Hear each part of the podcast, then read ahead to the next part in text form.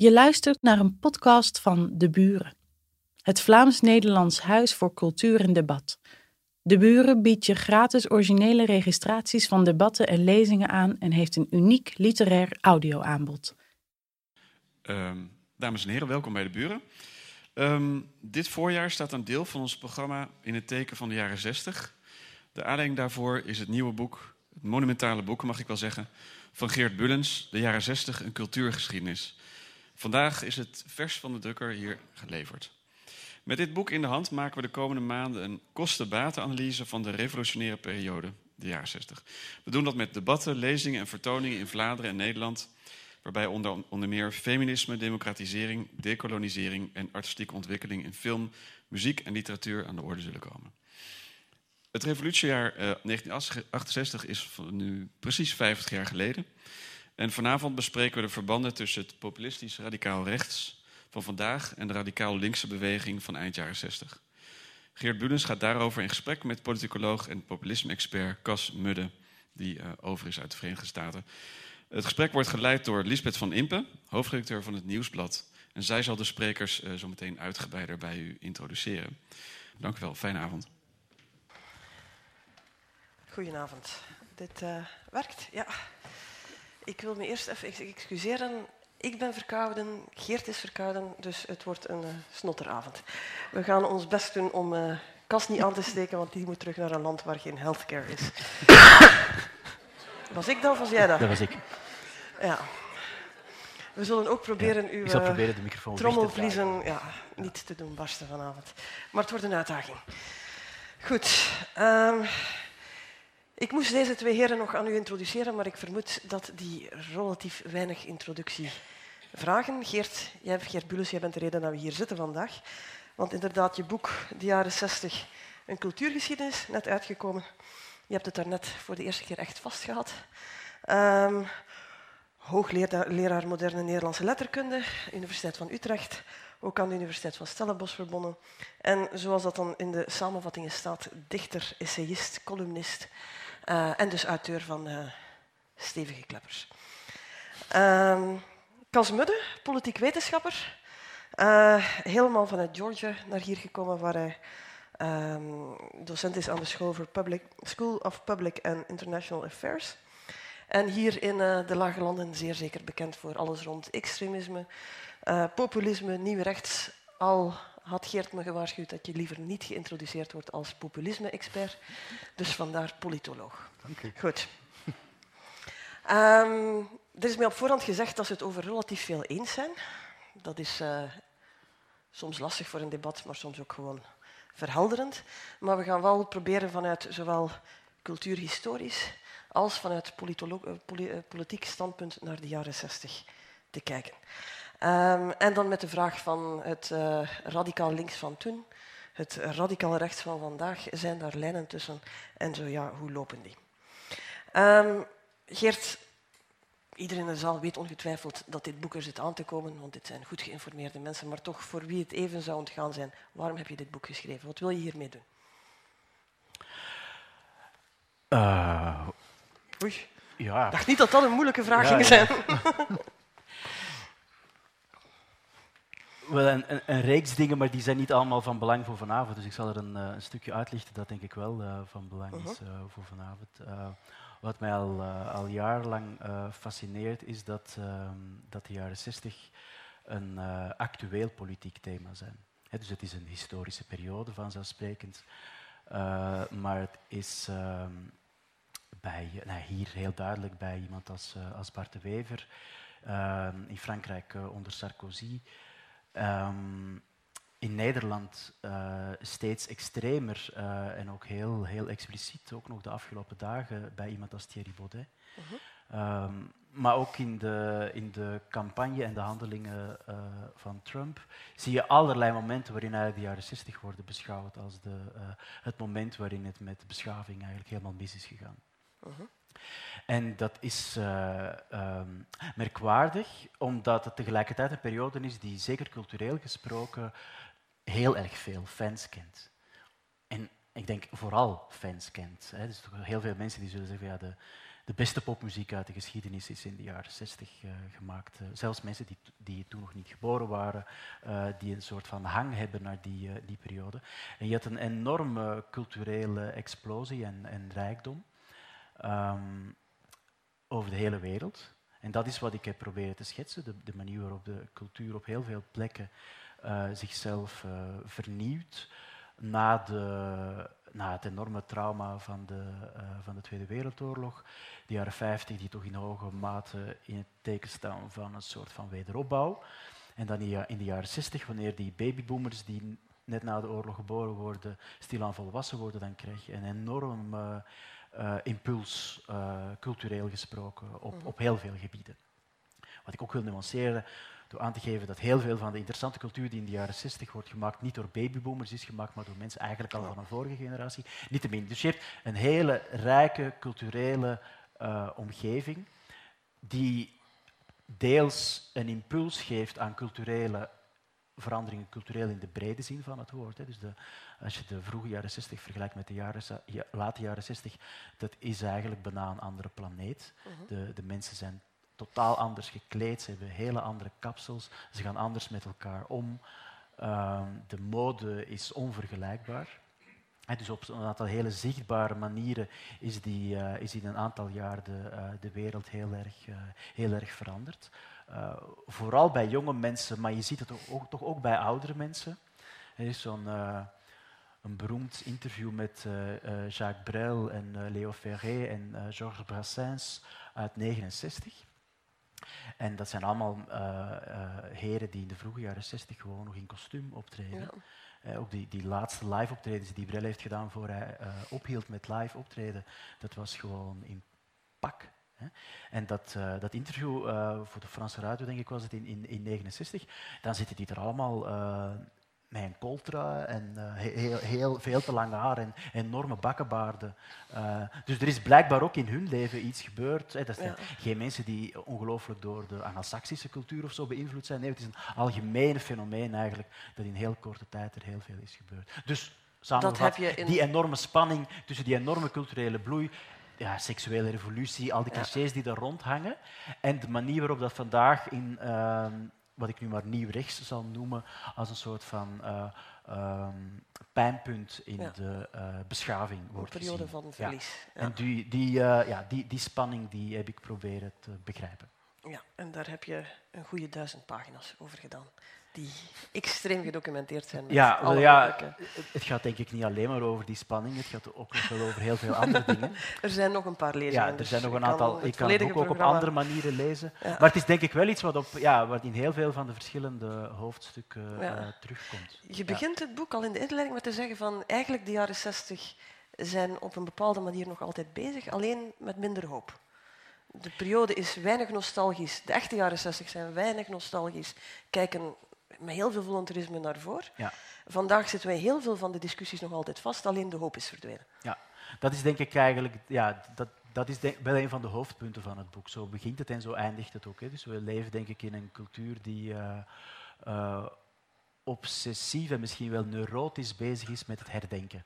Ja. Herdenken van de Eerste Wereldoorlog, van de Tweede Wereldoorlog, van Waterloo, Vorig jaar werd, 50 eh, jaar 68. En nu is het 50 jaar 68. Uh, de, vorig jaar in Nederland heel groot, uh, uh, 500 jaar Luther en Reformatie. Ja. Dus we gaan van de ene herdenking naar de andere. En het zijn altijd herdenkingen die gericht zijn op momenten in de geschiedenis waarin mensen heel duidelijk wisten waarom ze vochten. Ja.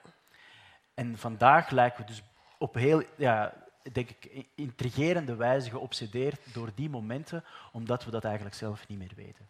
En het is, als ik zeg we, is ook dat weer te relativeren natuurlijk, want we gaan het onvermijdelijk veel over de Verenigde Staten hebben vandaag en ik denk dat mensen daar op dit moment weer heel goed weten waarom ze vechten en dat het ook wel meteen ook weer met de jaren 60 vergeleken wordt. Hè. Dus de enorme, um, zowel vanuit de vrouwenbeweging als vanuit de zwarte beweging, de manier waarop op Trump is gereageerd de afgelopen 16 maanden, is denk ik uh, heel sterk met de jaren 60 uh, eh, verbonden. Ja.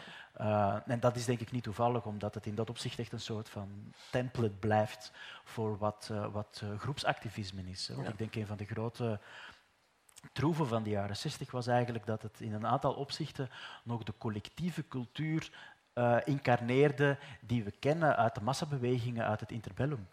Ja. dus uh, gro grote vakbonden, uh, hele, de kracht van het getal, die, die, die in politieke bewegingen natuurlijk altijd heeft gespeeld. Um, maar die na de jaren 60, uh, ja, je zou kunnen zeggen, in, in, in, onze gewesten hier met de rakettenbetogingen, en dat, dat, is nog een, een, moment van echt collectieve politieke actie. Ja. En de enige die daar nog op is gevolgd, is eigenlijk de Witte Mars. Maar dat beschouw ik niet als politieke actie. Dat was een collectief gebeuren, maar dat, dat had een hele complexe, problematische uh, politieke, uh, ideologische kant. Ja.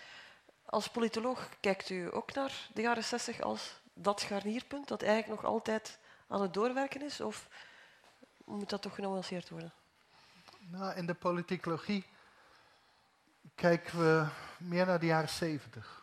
Um, maar in dezelfde zin van de jaren 60. Ik weet niet zeker of de jaren 60. Uh, we, praten vaak over 68 als dat jaar van, van collectieve uh, mobilisatie. Maar dat was eigenlijk nog relatief um, gematigd. En het was met name eigenlijk uh, heel erg in de steden. Mm -hmm. um, als je denkt aan ongeveer alle grote bijeenkomsten, alle grote gebeurtenissen, en dan denk je, dan denk je Parijs.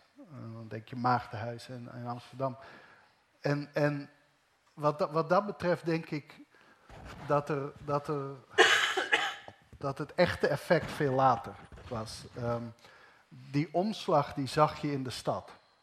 Uh, en die zag je dan ook van de, de, Jacques Brels en zo, want die leefde ook in die stad. Maar als ik denk aan Nederland bijvoorbeeld, dan denk ik, ja, het veranderde Amsterdam.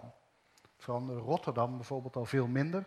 En Tilburg, die wist pas tien jaar later dat het gebeurde. En, dus ik denk dat, dat wat dat betreft, in, in de jaren zeventig kwamen die nieuwe sociale bewegingen, kwamen de, de, vrouwenbeweging. En daar waren eigenlijk de grote demonstraties waren toen. En die waren ook niet meer zo. Die waren natuurlijk in de stad, want ja, je demonstreert waar, waar de politiek is. Um, maar dat was niet de stad die demonstreerde. Dat ging veel verder. En, en in de politicologie is eigenlijk um, dat moment uh, heel, heel centraal. Dat is een Amerikaanse politicoloog, die heet Ronald Inglehart. Hij heeft een boek geschreven, dat noemt hij The Silent uh, Revolution. En die eigenlijk uh, tracht te verklaren hoe die nieuwe sociale bewegingen hebben komen. en, en groene partijen eigenlijk -huh. hebben gekomen. En, en dat, dat ligt heel erg samen met waar de 68 uitkomt. Maar ik denk dat het voor de meeste politicologen de jaren 70, begin jaren 70 eigenlijk meer dominant zijn dan ja. 68. Ja. Maar ik denk dat dat eigenlijk in zijn algemeenheid geldt. Hè. Dus een van de ware clichés hierover is dat de jaren 60 zich eigenlijk in de jaren 70 hebben afgespeeld. en, dat, uh, en dat geldt dus voor al de voorbeelden die Cas geeft, maar ik denk dat dat bijvoorbeeld ook voor, voor Vlaanderen heel sterk geldt. Ja. Hè. Dus uh, Leuven was natuurlijk een hele kleine uh, pocket van, van mensen. Had je er nog een aantal rond de VUB en, en, en in Gent, maar dat waren eigenlijk tientallen mensen. Maar ook hier kreeg je in de jaren 70 de um, ja, massabewegingen. Die, uh, die eigenlijk ook over sommige van de zuilgrenzen al, al heen gingen. Hè. Dus uh, ik ben zelf in de, in de katholieke zuil opgegroeid in de, in de jaren 70. En het interessante daaraan is helemaal in het licht ook van wat Cas zegt, is dus de manier waarop uh, bijvoorbeeld Latijns-Amerika en de, en de strijd in, in Chili, Ja. maar zelfs nog Nicaragua, wat, wat toch extremer is, hè, want die, die Sandinisten, ja, dat waren gewoon communisten. Hè. Ja. Uh, dat, dat behoorde eigenlijk tot een soort van vanzelfsprekend, in, niet alleen interessegebied, maar eigenlijk ook sympathiegebied. Um, en dat, dat is denk ik iets wat, uh, ja, die, die wereld die, die heeft, dat zeggen, denk ik, tot aan de rakettenbetoging ongeveer doorgeduwd. Nou ja, dan gaan we naar de tweede helft van de jaren tachtig. Ja. Het einde, het einde van de Koude Oorlog, ja, en dan verandert quasi alles. Ja. Uh, en dan valt, dan valt dat ook, valt ook helemaal uit elkaar. Ook een soort van mondiaal bewustzijn dat denk ik nog heel vanzelfsprekend was in, in, de, in de jaren 70 en vroege jaren 80. En die, die wereldwinkels die zijn wel Ja. overgebleven en mensen drinken nog wel eens wijn uit Chili. Dus dat is niet 100% weg. Maar het hele een soort van ja, verbondenheid die daarmee samenhing. Iets waar ik ook nog laatst aan dacht. Net zo, eh, de generaties voor mij die verzamelden uh, artis historia punten. Hè. En eh, op die manier kwam er kennis uit de hele wereld binnen in die plakboeken. En ik verzamelde niet artis historia, maar dat was een soort van Franse variant. En dat heette De wereld mijn thuis. En er waren dus plakboeken over Zimbabwe en Nigeria en zo. En dat was iets wat je dus deed als Ja. tienjarige. Dat is toch echt anders dan Pokémon. En daar is echt iets, iets ongelooflijks veranderd. Ja. eh, door nou ja, Ja. Koude Oorlog et al. Maar, eh, maar dat is echt wel ja, zeg de, de, de wereld waarin, waarin ik eh, ja, groot werd Ja. en functioneerde, die inderdaad in de jaren 70 die ideeën uit de jaren 60 heel ruim verspreid zagen worden. Ja. Ja. Nu goed, toen ik de titel van de lezing zag, was ik een klein beetje in de war. Wat is de lijn tussen het, het, het linksactivisme, radicaal links van de jaren 60 en eh, radicaal rechts vandaag? Eh, alsof dat toen radicaal links was en nu plots radicaal rechts geworden is. Terwijl, en jij beschrijft dat ook in het boek, onze herinnering van, van, van de periode is heel hard gekleurd door eh, de romantiek van het, van het radicaal linkse protest. Terwijl op hetzelfde moment de tegenreactie, ze heeft geen 40 jaar gewacht, ze was er op dat eigenste moment al, zeker in de States, maar ook hier. 68 is ook het jaar waarop de Gaulle teruggehaald wordt eh, om, het, om de natie te redden, waarop Nixon dan toch eindelijk verkozen geraakt. Ehm, die, die, die narratieven lopen sowieso uit elkaar. En als je gaat kijken naar de andere kant, dan zie je dat die tegenreactie er eigenlijk meteen al was. Ja. Zowel cultureel als, als politiek, denk ik. Ja. Wil jij eerst? eh, Nou, ik, de- ik denk dat eh, wederom de, de- het echte effect komt begin jaren 70. En dan de tegenreactie komt eigenlijk eind jaren, eind jaren 70. En, en die komt via het neoconservatisme eigenlijk, meer dan, dan wat dan ook, met name in, in, Amerika en, en Groot-Brittannië. Ehm, wat, wat heel sterk een, een, een sociaal-culturele dimensie heeft. Het- we denken er nu primair over in economische termen als, als, eh, als een neoliberaal economisch programma. Maar, maar Thatcher was ook gewoon een, soort van, van ouderwetse burgerlijke moraal. Ehm, rond de familie, eh, waar iedereen eh, zijn plaats nog kende. Dat soort, dat soort van dingen. En dat was een, een heel duidelijk en impliciete terugduwen naar eh, de 68-waarde. Ehm, dus wat, wat dat betreft, ja, die reactie kwam er. An- anderzijds denk ik ook dat wederom buiten, in de provincie, was die verandering er helemaal niet. Ehm, Ja. ik denk dat, want een van die dingen die Engelhard eh, beschrijft, is dat de verandering is generationeel.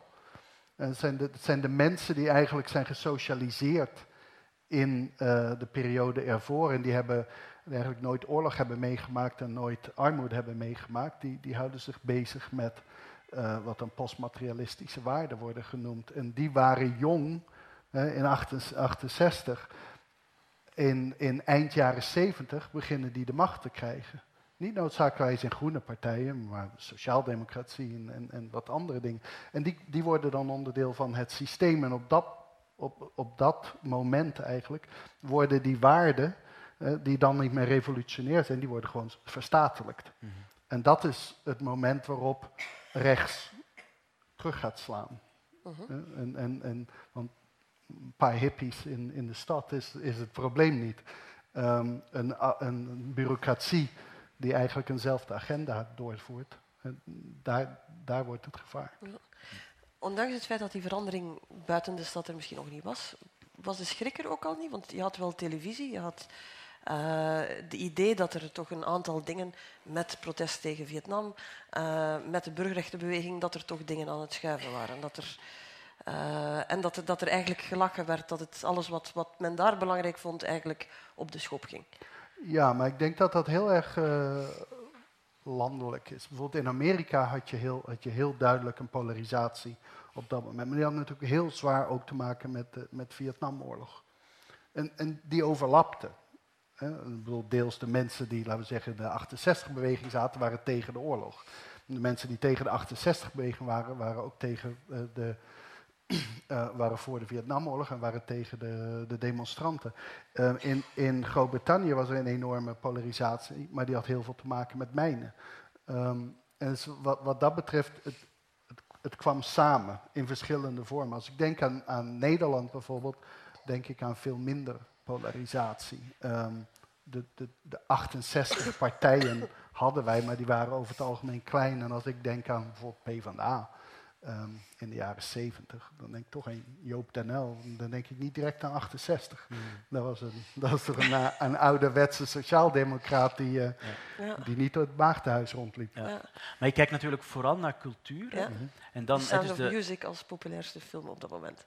sorry, wat The zei je? Sound of Music als populairste film. Ja, maar tijdens is, dat is niet revolutionaire wa- tijden. waaraan ik dacht, omdat je spreekt over, over Nederland.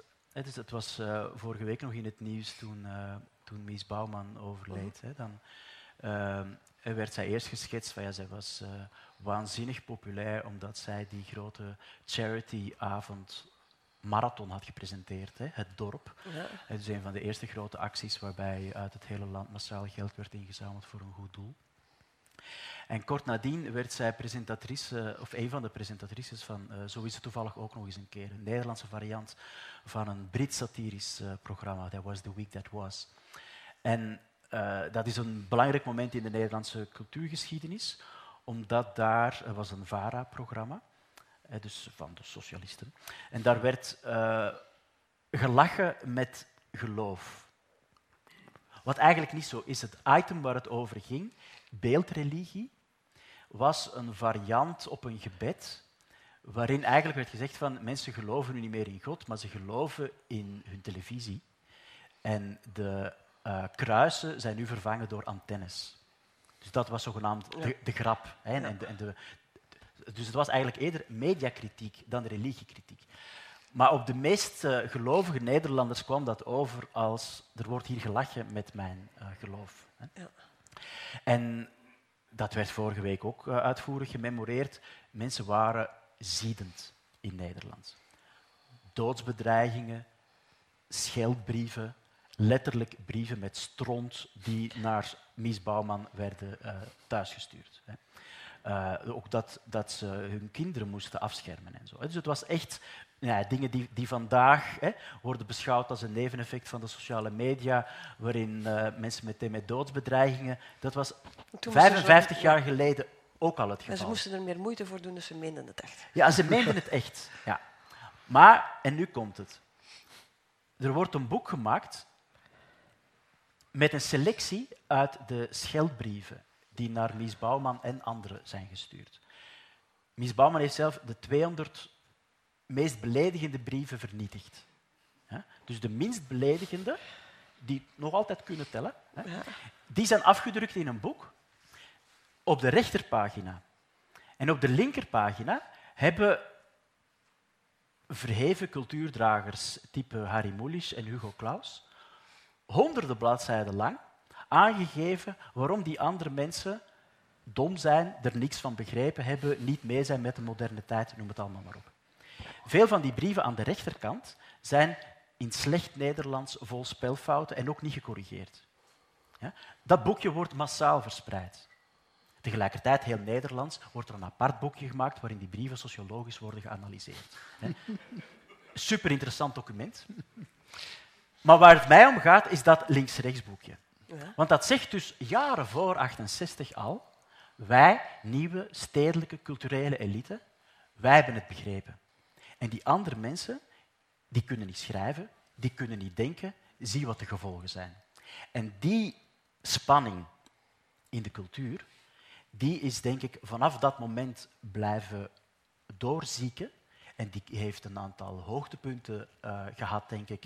In mijn eigen perceptie, denk ik, was de, eh, de eerste jaren van VTM daar het beste, het beste voorbeeld van. Hè. VTM als het einde van de westerse beschaving.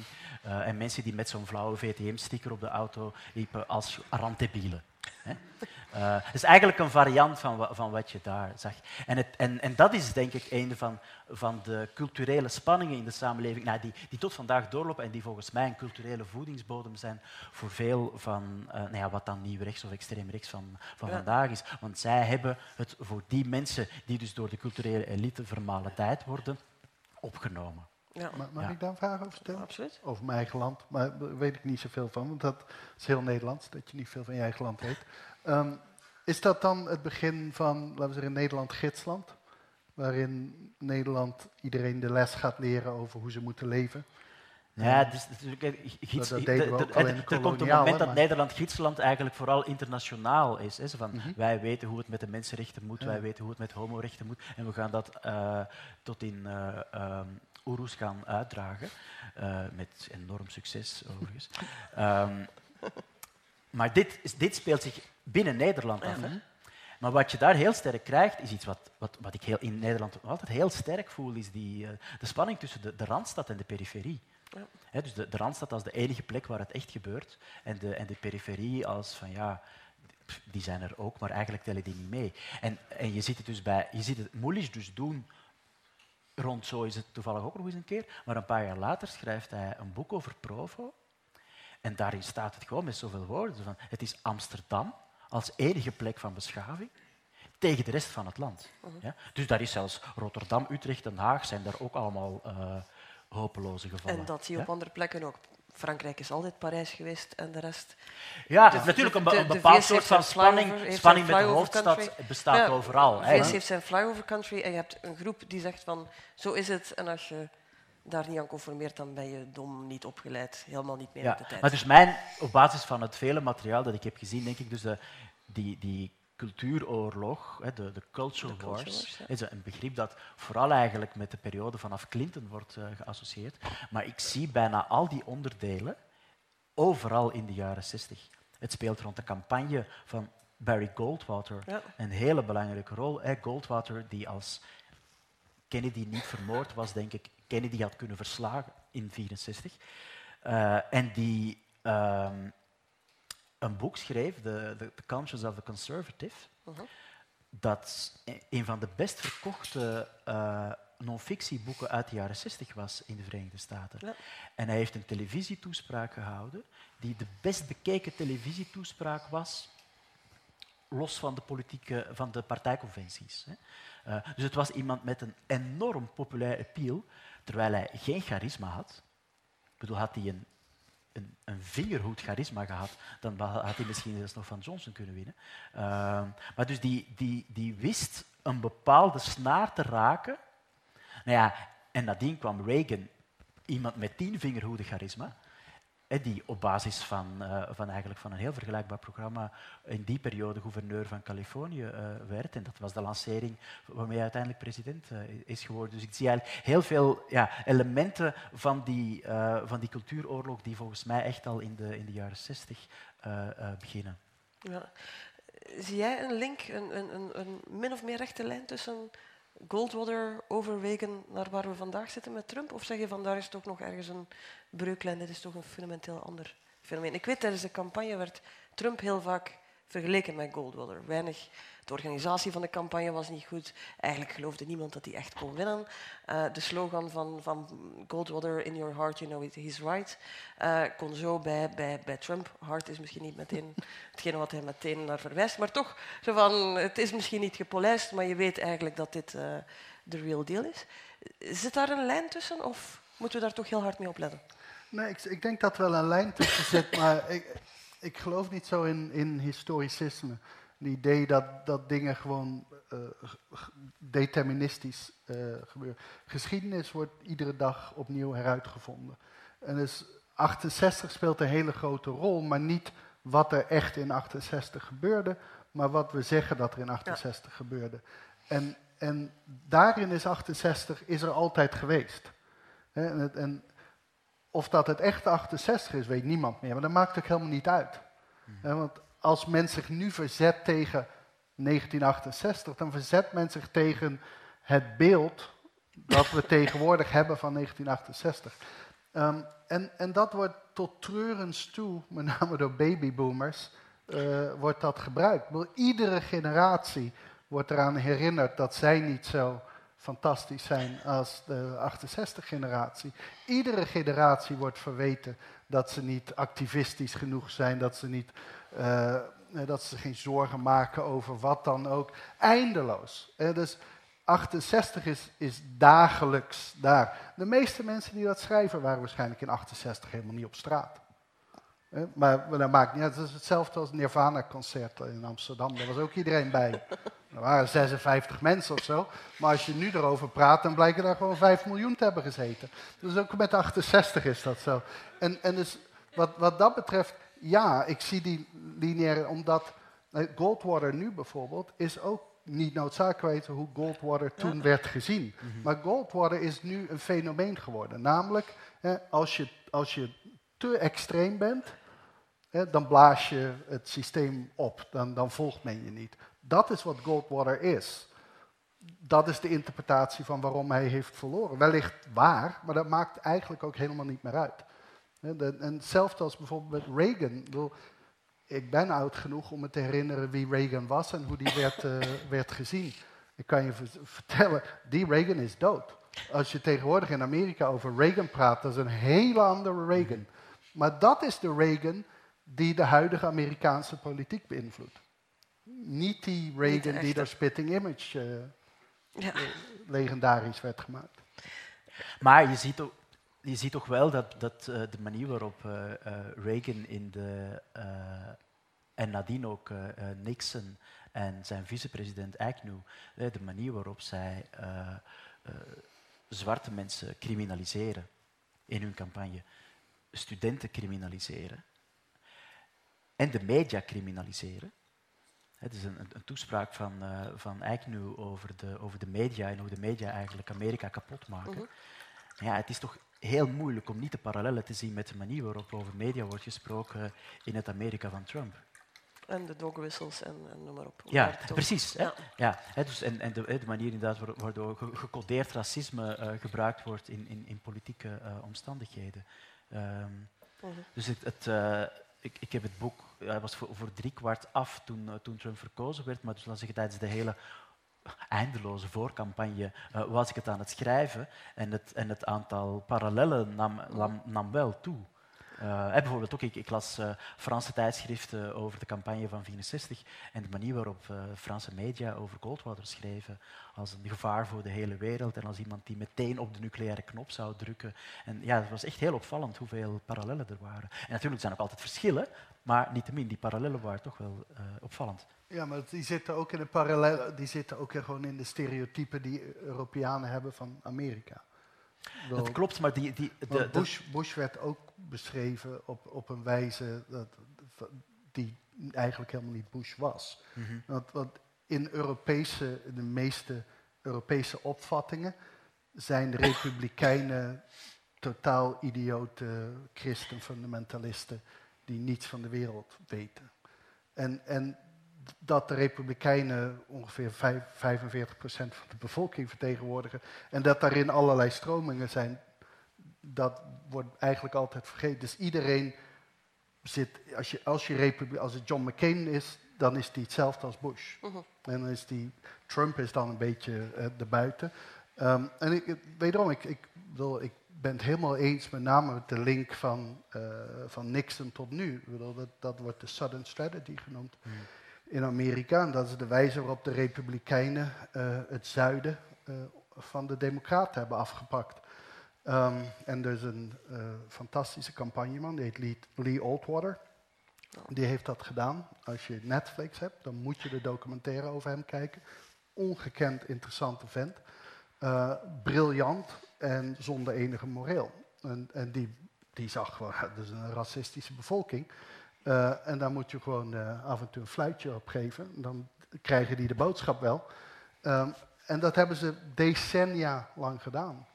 Ehm, ik weet niet of dat met Nixon begon. Ik bedoel, wat- dat betreft, we, we hebben vaak van die, van, die, van die keerpunten. Maar op bepaalde manier, die keerpunten werken ook nog steeds met bepaalde dingen. Als je kijkt, 68 gaf een, een bepaald meer progressief paternalisme. Maar paternalisme zat bijvoorbeeld in Nederland natuurlijk altijd al in het Nederlandse.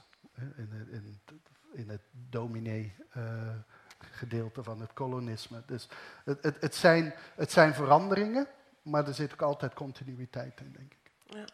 Ik wil nog twee dingen bij de culture wars aanhalen. Eén, jij zegt van de overwinning leek totaal, zeker op cultureel gebied, zo dominant, ook in onze herinnering zeker. Maar ergens was het ook maar schijn. Eh, het was nooit zo dominant als we denken dat het was. Dan ga je kijken naar de grote kassuccessen en dan ga je zien dat het toch niet zo totaal was. En tegelijk haalde de linkse elite, zoals ze dan genoemd wordt, er een soort arrogantie uit van wij gaan bepalen wat goed en slecht is. Ja, dus als je gaat kijken naar, naar, naar kassucces uh, in, in film en muziek, dan uh, is, lijken de jaren 60 uh, eh, eigenlijk erg op de jaren 50. Hè. Wat vonden mensen in de jaren 50 uh, fantastisch? Heidi en films die zich in de in Oostenrijk in de bergen afspeelde. Nou, in de jaren 60 hielden ze van The Sound of Music, een film die zich in de, ja. in de, bergen afspeelt in Oostenrijk. dus, uh, en, en uh, bijbelfilms waren heel erg uh, populair, waanzinnig populair in de jaren 50 en nog in de jaren 60. dus daar is een enorme continuïteit. Ja. Um, en ook zelfs nog, als je bijvoorbeeld gaat kijken, wat staat er in Nederland in de, in de top 10 in 68? Dat is Heino en zo. Hè? Dus slagers. dus in dat opzicht is de verandering heel relatief. Tegelijkertijd denk ik is de verandering vrij absoluut op lange termijn gezien. In die zin als je gaat kijken naar uh, cultuurredacties vandaag. Of ze nu voor Humo werken of voor de tijd, of voor KNAK, of voor de Standaard, of voor de Morgen. Over het nieuwsblad doe ik geen uitspraak hier vandaag. Eh. Daar zitten eigenlijk dezelfde mensen met eenzelfde smaakpatroon, die op het einde van het jaar dezelfde films het beste vinden en dezelfde boeken en dezelfde cd's. En dat zijn geen uh, lijsten die corresponderen met wat het gros van de bevolking dat jaar heeft geprefereerd. Nee, want dan zou het geen goed lijstje zijn. Ja. Nou ja, maar dat, dat is allemaal eh? de vraag natuurlijk. Hè. Maar daaraan zie je dus hoe een bepaald idee... En dat is toch eigenlijk echt wel de cultuur uit de jaren 60. Hè. Dus van, laten zeggen, de Beatles en Dylan en alles wat erop is gevolgd, maar ook de, de zwarte uh, populaire muziek en alles wat daarop is gevolgd. Um, maar ook de arthouse cinema, die in de jaren 60 echt heel groot doorbreekte. Je hebt in de jaren 50 natuurlijk al wel die Italiaanse neorealisten en Bergman, maar vanaf de jaren 60 zowel die Italianen als Bergman en dan de Nouvelle Vague en de varianten overal in Europa enorm interessante cinema in, in Tsjechoslowakije, in Hongarije, Polen en zo. Dus je hebt een enorme rijke filmcultuur die dan de echte film wordt. Ja. ja en, en, Hollywood is achterlijk. Uh, en dat is eigenlijk ook, in, in, laat zeggen, in, in, in filmkritiek vandaag, is dat de norm. En het is ook mijn norm. Hè? Het is ook mijn norm. Maar het is wel interessant om te zien dat er, dat er dus in dat opzicht een soort van minderheidscultuur, een op alle beeldbepalende plekken uh, de, dat als een, als een vanzelfsprekend uh, evangelie mhm. uitdraagt. Maar is dat niet gewoon een verschuiving van een conservatief uh, elitarisme naar een progressief elitarisme? Want voor 68 had je ook de cultuurtribanten. en die schreven dat de, de, nieuwste maler of whatever was, was het helemaal. Daar luisterde het volk ook niet naar. Mhm. Wat dat betreft is wat 68 op een bepaalde manier doet, is dat de progressieve elitair worden. Ja. En niet in de paternalistische wijze waarin ze het volk verheffen, maar waarin ze eigenlijk op het volk neerkijken. Ja. ja. Dat is denk ik heel sterk gebeurd, ja. En dat zie je denk ik... Uh, en daar, dat krijgt weer een eigen, wekt weer een eigen resentment op, dat we dan altijd weer zien terugkomen in... Ja. Allee, waarop tenminste kan gecapitaliseerd worden. Een ander aspect wat ik, wat ik bij u vond in die culture wars, niet alleen cultureel, maar, maar ook als het gaat over een pak ethische dossiers en dergelijke dingen meer, heb je niet alleen een groep die waarschijnlijk voorop loopt en een aantal dingen erdoor krijgt, um, maar zonder al te veel debat soms. En eens er beslist is dat het de norm is, dan is het ook gedepolitiseerd. Je kan een pak debatten niet meer voeren, want mhm. ze zijn... En ik denk dat dat in Europa extremer is dan in de Verenigde Staten, waar ze wel nog over stem cell research en guns en de doodstraf aan het debatteren zijn, zeker in de Europese publieke ruimte, is de hele revolutie die daar in gang gezet wordt eigenlijk bijna uit het politieke debat gehaald. En u, ziet er een gevaar in voor, voor een, een, een, gevaar voor ja, iets waar populisme zich kan opzetten. Ja, ik heb uh, populisme een, een illiberaal democratisch antwoord op ondemocratisch liberalisme genoemd. en dat ondemocratisch liberalisme is eigenlijk het, het, um, het doorvoeren van zowel neoliberaal economisch beleid, uh, wat, wat nu eigenlijk uit de democratische ruimte wordt gehaald en wordt gezet in technocratische organisaties zoals centrale banken, Europese centrale bank, of wordt geprivatiseerd. Um, En, en dus wordt gedepolitiseerd of ehm, op het cultureel effect wordt gejuridiseerd. Ehm, denk aan abortus of euthanasie of homohuwelijk. dat wordt gewoon wet. En op het moment dat wet is, zegt hij van ja, het is nu voorbij. Wat natuurlijk raar is, want het is wet geworden omdat het politiek was. En de vorige wet werd ook veranderd. Um, en we hebben dat heel erg sterk gezien um, eigenlijk sinds de jaren tachtig. Neoliberalisme speelt daarin een hele belangrijke rol. Um, maar het heeft ook een, een cultureel uh, element. En uh, het, heeft een, tot een enorme versmalling van de politiek geleid. Want heel veel dingen, daar praten we niet over. Want dan zeggen we, ja, maar goed, dat, dat doet Europa. Of dat is een juridische kwestie. Of dat is uh, de markt. Um, maar al die dingen hebben natuurlijk een direct gevolg voor ons leven. Die, die bepalen deels andere zaken die, die ons raken. Um, en dan krijg je dus twee, twee soorten van visies. De ene zegt, ja, als, als het volk het wil, dan veranderen we dat. En de ander zegt van ja, nou, dat, dat kunnen we niet doen. Uh, there's no alternative. Dit, dit is zoals het is. nu, dat is niet totaal nieuw. En ik denk wat, wat dat betreft, wat, wat wordt gemist in veel van de analyses. De analyses kijken naar de verandering op het gebied van de elites. En er is heel veel veranderd in termen van de elites. Uh, ze zijn veel kleiner geworden. Er is geen arbeider ongeveer meer in een parlement, bijvoorbeeld. Maar wat nog veel meer is veranderd, volgens mij, is de bevolking. De gemiddelde Nederlander of Amerikaan of, Fransman, die, heeft, uh, die is beter opgeleid heeft veel meer informatie, maar heeft met name veel meer zelfvertrouwen. Politiek zelfvertrouwen. Die bepaalt zelf wat er goed en fout is. Dat deden ze in de jaren 50, 60 niet. De meesten stemden wat de zuil bepaalde. Wat de priester zei, of wat de vakbondsman zei, wat, wat het was. En dat is een spanning. Dus sommige dingen zijn nieuw. En die zijn heel problematisch. Maar andere dingen zijn eigenlijk heel oud. Die waren vroeger niet problematisch, maar die zijn nu wel problematisch. En dat is een van die dingen dat we krijgen enorme nostalgie. Met name van de liberalen en sociaaldemocraten. Nu dat er Trump en Brexit is, dan blijkt opeens dat de jaren 90 en 80 en 70, die waren fantastisch. En dat waren ze natuurlijk helemaal niet. En al zeker niet als je een vrouw was of, of homoseksueel of zoiets buiten het, het kleine blokje zat. Maar denk aan de politici die zo fantastisch toen waren.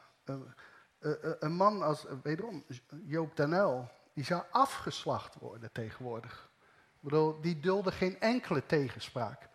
Meeste van de politici in die periode, die, die werden op een voetstuk gezet. Maar die werden daar gezet en gehouden.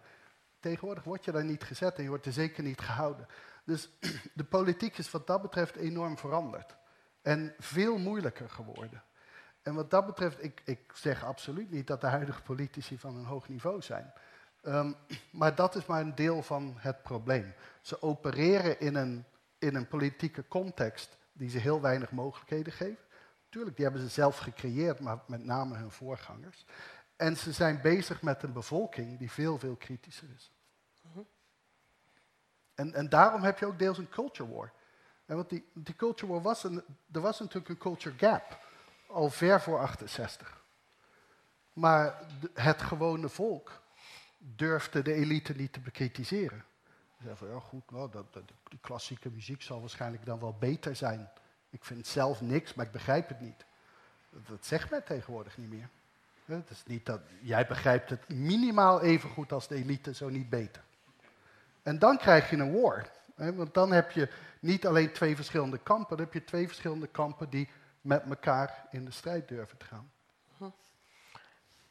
Die um, culture wars die in ieder geval vanaf de jaren 60 worden pas in de jaren 90 zo benoemd, maar ik denk dat je gelijk hebt om te zeggen van je moet een stukje teruggaan om te zien waar het begonnen is. Um, als het gaat over linkse politiek, Rorty zegt daarover, daar hebben we de klassenstrijd voor een stuk losgelaten. We zijn, de culture wars zijn begonnen, we hebben er wel een aantal gewonnen.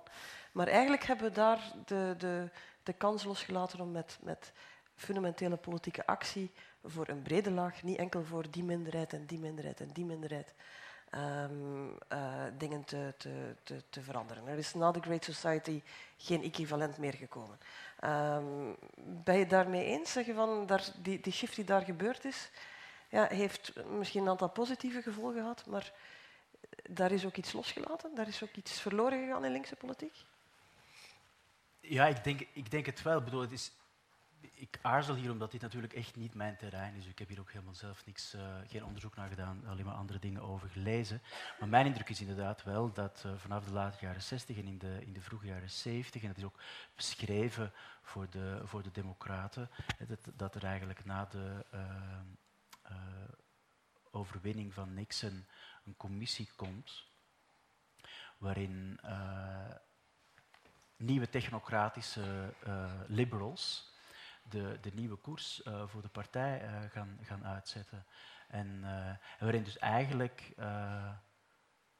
de vakbonden worden losgelaten. -huh. En waar dus het, het, het, hele idee van de klasse, klassenstrijd en, en de klasse die zij vertegenwoordigen, dat die, dat die wordt losgelaten. Ehm, en nou ja, dat zitten we denk ik in, in een van de cruciale politieke discussies van vandaag. Dat is in hoeverre identiteitspolitiek en klasse elkaar uitsluiten, dan wel elkaar eigenlijk zouden moeten vinden. Het, het, lijkt mij eigenlijk evident dat ze elkaar zouden moeten vinden, maar het blijkt wel elke dag opnieuw hoe moeilijk dat is. Uh, en dat is denk ik een van de, van de grote uitdagingen voor iedereen die vandaag met progressieve politiek bezig is, om, om die kloof opnieuw te dichten. Uh, en dus een, tot een, tot een uh, realignment te komen van krachten die in, in sommige opzichten in, in de jaren 60 en in sommige landen en in sommige opzichten ook nog in de jaren 70 doorliep, maar die nadien toch echt wel uit elkaar zijn gevallen, uh, om die opnieuw met elkaar te verbinden. Maar ik denk dat dat wellicht ook te maken heeft met, dat, met die energie van 68. Want 68 was een enorm optimistische beweging. Die, die, die ging de wereld veranderen en die dacht dat de wereld veranderd kon worden. Die hadden een ongekend optimisme over de toekomst. En in die tijd was dus ook de, de idee was dat eigenlijk de arbeidersklasse ging verdwijnen. We werden allemaal middenklasse. En dus wat, wat dat betreft, de arbeidersklasse werd niet noodzakelijkerwijs opgegeven. De idee was dat die gewoon opgeheven zou worden. En, en daarmee was dat eigenlijk gewoon een achterhoede was niet meer relevant. Dus later, met Blair en Clinton en, en, en Schreuder en dat soort dingen, was er veel meer een keus van oké, we hebben een arbeidersklasse en die is klein en die groeit niet. We gaan gewoon voor de nieuwe middenklasse. Ik denk dat in die tijd, laten we wel zijn, 68, de meeste van de mensen van 68 kwamen niet uit de arbeidersbeweging. Uh, en, en, dus die hadden daar weinig zicht op, maar die hadden ook een enorm optimisme van, daar gaat het nu niet meer over. Het gaat met iedereen goed, uh, op op, in een paar jaar zijn we allemaal hier. En dus zijn identiteits, de postmaterialistische politiek, dat was niet voor een specifieke groep. Ik denk dat heel veel mensen, grotendeels omdat ze geïsoleerd leefden, uh, dachten van ja, dat is gewoon voor iedereen relevant.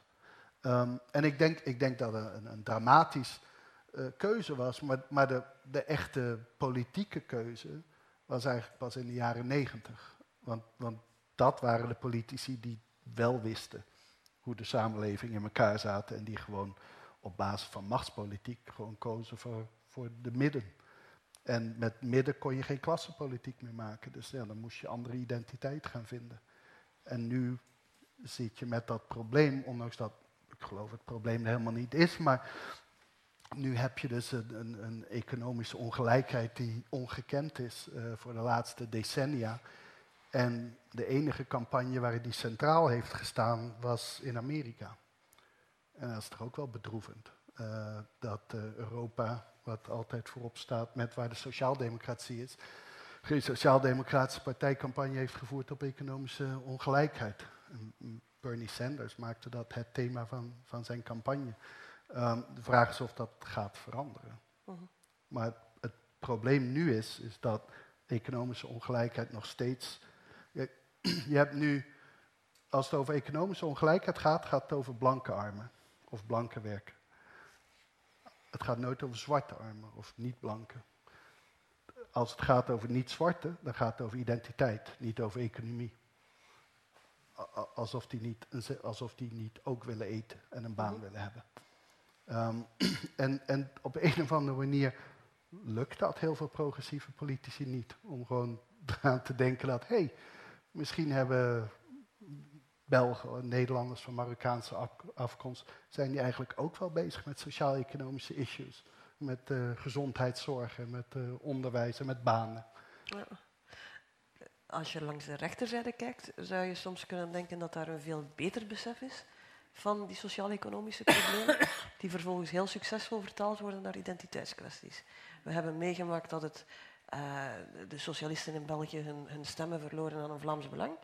Dat uh, met de arbeiders ging lopen, maar niet met een discours dat eigenlijk op maat van sociaal-economische problemen was, maar vertaald werd naar een identiteitsdiscours. Nou, beide. Kijk, um, zogenaamde welvaartschauvinisme is, heeft wel degelijk een positief sociaal-economisch verhaal. Namelijk de verdediging van de welvaartsstaat zoals die was. Maar alleen voor het eigen volk. Maar dat is, dat is wel een heel relevant deel daarvan. De mensen stemmen niet alleen tegen de migranten. Ze stemmen ook voor hun hè, welvaartsstaat. Het feit dat ze uiteindelijk bijna altijd vrij recht stemmen, is een hele andere kwestie. Maar het discours is wel degelijk inclusief en sociaal-economisch progressief op bepaalde punten. Ehm, natuurlijk, de ruimte was er. Ik bedoel, kijk, als de Sociaaldemocraten nog steeds de welvaartsstaat hadden verdedigd en, en ervoor hadden gezorgd dat die uh, voor degenen die het echt nodig hadden niet werd uitgekleed, dan was die etnische scapegoat ook aanzienlijk minder aantrekkelijk natuurlijk. Mm ik wil daar nog even. Ik, ik, heb me altijd afgevraagd na de bankencrisis in 2008, waarom waren we toen niet kwader? Eigenlijk is dat relatief. Steve Bannon zegt van mensen waren kwaad en ik heb het weten te kanaliseren. De man neemt graag de credit, maar kan hij een punt hebben dat hij de kwaadheid wel gekanaliseerd, terwijl links al aan het uitleggen was waarom we toch maar geen bankiers konden opsluiten? Um, het, grote het grootste verschil tussen de grote depressie en de grote recessie is de welvaartsstaat. Als je als je, je baan verlies, verloor, verloor, in de jaren 20, begin jaren 30, ging je dood. Ja. Als je je baan verliest nu buiten Griekenland, Spanje of zo, dan is er een, is er een vangnet.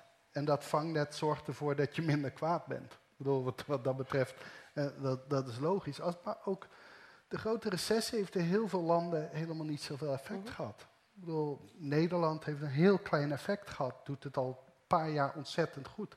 Uh, Zweden, Nederland, zelfs Frankrijk is, is gemengd. Dus waar het echt fout ging, was men heel erg kwaad. In Griekenland, in Ierland, in, in Spanje, um, Italië. En over het algemeen werd dat eigenlijk niet zozeer rechts gekanaliseerd. Um, als, als, het echt, als je echt in de economische crisis zit, mhm dan heb je het over sociaal-economische issues. In het noorden zaten we niet echt in die crisis. Maar er is wel austerity uitgevloeid, wat weer een verdere uitkleding van, of minstens een aanval op je, op je welvaartsstaat juist. Ja, maar dat is, dat is wat... Um, te uitgesteld. Nou, het is wat Simon Martin Lipset in, in de jaren 50 al uh, status uh, loss uh, noemde. En dat is de reden waarom men radicaal rechts stemt. Dus mensen die nog steeds wat hebben, redelijk wat hebben, die zich zorgen maken dat ze het gaan verliezen. Eh, dat is een andere groep. De groep die, waar we het vaak over hebben, dat zijn de mensen die, hebben, die niets hebben. Mensen die niets hebben, stemmen over het algemeen niet. Die trekken zich terug uit het systeem. Mensen die stemmen zijn over het algemeen mensen die wat hebben. En de mensen die wat hebben en bang zijn om het te verliezen, die stemmen zelfs nog meer. En dat is de groep die stemt en die met name op rechtsradicaal stemt. In Griekenland heb je 50% jeugdwerkeloosheid. Die hebben niks, die hebben nooit wat gehad en die denken ook niet dat ze iets gaan krijgen. Die, gaan niet, die, die zijn niet bezig met of er migranten zijn, die zijn bezig met de kern van de zaak. Die kunnen zich pas zorgen gaan maken of dat migranten iets van ze af gaan pakken als ze iets hebben. Er is nog niks om af te pakken. Mhm. Ik wil even terug naar de jaren 60, want daar waren we ook al begonnen. Uh, op dit eigenste moment in Vlaanderen is er een gigantisch debat bezig over de recuperatie van 68. De N-VA heeft een mooie lezing in Leuven gehouden om te zeggen het was eigenlijk van ons. En wat niet van ons was, toch spijtig dat het gebeurd is. Um, aan de andere kant heb je natuurlijk de veel klassiekere uh, herinnering van 68 met wat verwezenlijkt is en wat de gemiste kansen waren. Um, is het gewoon een bewijs van jouw stelling dat het nog altijd niet voorbij is en dat het nog altijd aan het recupereren is? Of, of zie je er... Well, ja, het is, het is duidelijk dat het... Uh, dus dat is een mooi voorbeeld van wat ik aan het begin zei, hoe, die, uh, hoe het uh, -hmm. politiek nog altijd, nog altijd vruchtbaar is. Het, het, manoeuvre van, van de Wever was natuurlijk wel spectaculair, zoals hij alleen dat kan. Door dus enerzijds te zeggen dat wij vandaag het land kunnen leiden, is het gevolg van 68. Van Leuven-Vlaams, ja. En dat is waar. Hè? Want zonder Leuven-Vlaams niet de staatshervorming en alles wat erop is gevolgd. Dat is denk ik historisch correct. Maar tegelijkertijd, alles wat de, de, de krachten die dat heeft mogelijk gemaakt, dus de kracht in zekere zin die hem als machtigste man van het land heeft mogelijk gemaakt, zijn de krachten die de beschaving kapot hebben gemaakt. Dat is merkwaardig, dat dat samen kan. Het is ook zeer typisch dat de wever daarmee wegkomt. Met, die, met, met, twee dingen die onmogelijk tegelijkertijd kunnen gebeuren, maar die dan toch blijkbaar in zijn visie uh, zijn gebeurd. En er was niet alleen die toespraak van de wever zelf, hè, maar er was ook nog die apocalyptische toespraak van Benno Barnard. Ja. Uh, met, met nou ja, daar, daar, zou ik een week college over kunnen geven, met, met, met alle uh, misverstanden, flagrante leugens, paranoia en interessante punten. -hmm. Want Benno is natuurlijk geen dwaas, ondanks alles. Uh, om, om, om dat te duiden. Maar het is natuurlijk ook wel een sign of the times dat vandaag Benno Barnard nog eens uit Engeland naar hier komt om in Leuven een toespraak te houden voor de NVA over waarom mei 68 uh, uh, een culturele ramp van de eerste orde uh, ja. is geweest. Waarbij trouwens aan zeer curieuze cherrypicking gedaan werd. Ja, aan de ene maar, kant was het van, ja, wel toch goed dat we Hollyby-rechten eruit gehaald hebben, ja. Eh, maar spijtig dat we daar vooral instituten hebben moeten afbreken, alsof het een zonder het andere... Zonder de kant, kan precies, maar dat is dus de basisleugen in dat, uh, in dat conservatieve discours over 68. Ja, dat is de basisleugen. Er wordt vandaag de hele tijd gedaan van de vrijheid van meningsuiting. Het is het centrum, het centrale element in de judeo-christelijke samenleving. Altijd al. En dan ga je naar de jaren 60 zien en dan zie je dus, ik heb het opgezond, honderden voorbeelden van censuur, overal in de wereld, maar ook in het Westen. Er was een moment dat er bijna evenveel staatscensuur in het Westen was dan in het Oostblok. Ja. Wie heeft daar verandering in gebracht? Links, dat lijkt mij duidelijk. Hè? Linkse activisten, linkse artiesten, geholpen overigens door media en niet alleen maar linkse media. Als je gaat kijken naar hoe de, de, de filmcensuur in Nederland is veranderd, daar heeft bijvoorbeeld Telegraaf ook een rol in gespeeld. Hè? Dus ja. is wat je niet meteen zou verwachten, maar ook filmcritici van de Telegraaf die aangaven van het is echt niet meer van deze tijd dat we dit en dit en dit nog blijven verbieden. Mensen zijn volwassen genoeg om zelf te oordelen over wat ze uh, willen gaan zien. Het zijn uh, natuurlijk ook wel weer diezelfde mensen die de vrijheid van meningsuiting hebben geclaimd in 68, die voorop stonden om die vrijheid van meningsuiting in te perken in de jaren 80, 90 voor radicaal rechts. Um, en uh, dat, is, dat, is, een van de hypocrisieën waar momenteel radicaal rechts op van profiteert. Ja. maar al, wat, wat mij opvalt is dat, dat, dat, dat, je dat ook al in de jaren 60 ja, ziet. Dat viel ja. dus er is een, een, een Italiaanse uh, succesfilm over Afrika, een door en door racistische film over Afrikaanse mensen. Um, en de, de, de West-Duitse uh, studentenbeweging uh, rond Rudi Dutschke uh -huh. gaat betogen tegen die film en wil eigenlijk dat die film verboden wordt. Dus het hele idee van 68 betekent verboden te verbieden, dat is gewoon niet waar. Zij hadden een heel duidelijk idee van dingen die gezegd moesten worden, maar ook van dingen die niet meer gezegd mochten worden. En racisme was een van de centrale elementen. En dat zal ook het argument in de jaren 80 en 90 zijn, om bijvoorbeeld de Centrumpartij en anderen te muilkorven. Toch? Ja, ja absoluut. Maar ik, en ik denk dat een van de grote problemen die we tegenwoordig hebben, is nu radicaal rechts een bepaalde vorm uh, succesvol is geworden, beginnen we opeens uh, terug te kijken op een periode die, die nooit heeft bestaan. En nu, dus als, als Trump wil bepaalde rechten beperken, en dan zeg wow, hoe kan je nou in godsnaam uh, vrijheid van meningsuiting beperken? Dat, dat bleek anders heel makkelijk te zijn de afgelopen decennia. En nu blijkt opeens iedereen altijd voor totale vrijheid van meningsuiting zijn geweest. Ik heb hier twintig jaar geleden nog op-eds geschreven tegen het cordon sanitair. Uh, er waren niet zo gek veel mensen die, die daar meeschreven. Um, en dus wat dat betreft, een van de belangrijkste dingen is gewoon totale gebrek aan reflectie, aan, aan, aan eerlijkheid ten aanzien van je eigen, laten we zeggen, zwarte kanten of beperkingen. En, en, en die zie je natuurlijk bij Bart de Wever, maar die zie je wat dat betreft ook bij 68, wat nu terugkijkt op 68.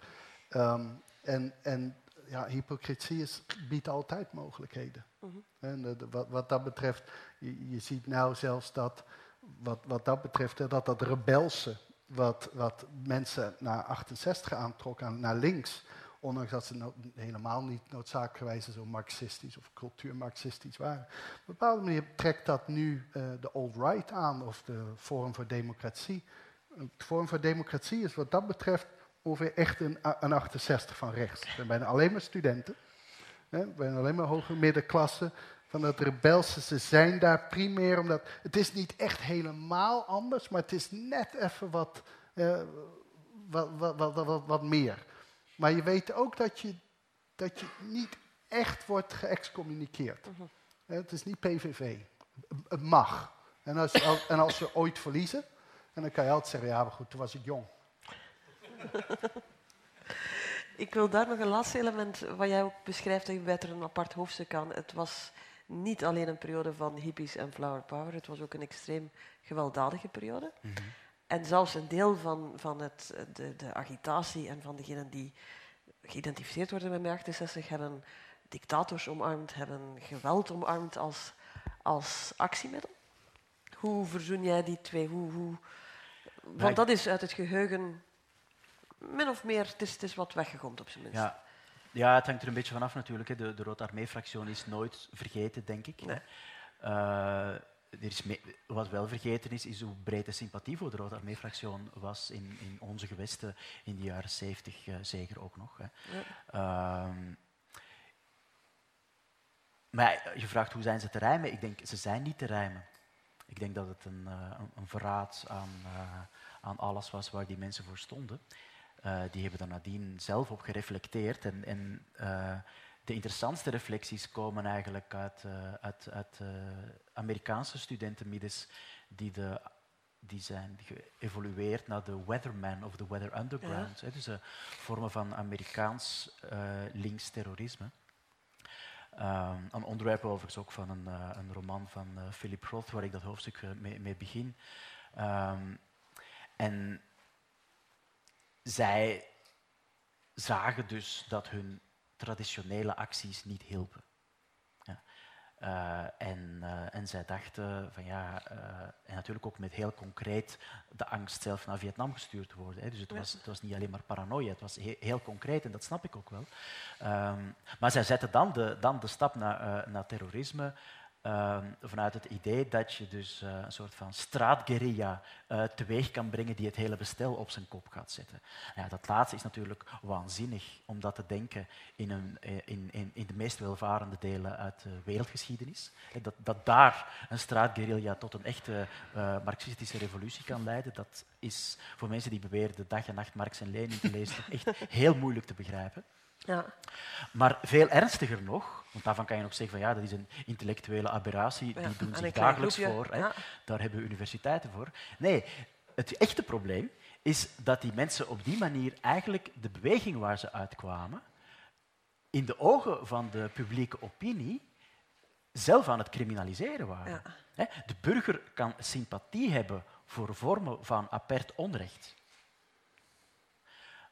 Maar op het moment dat de burger riskeert dat zijn eigen ruiten worden ingegooid, dan zegt de burger, nee, eerst mijn eigen ruiten. Dat onrecht, dat kan wachten. Ja.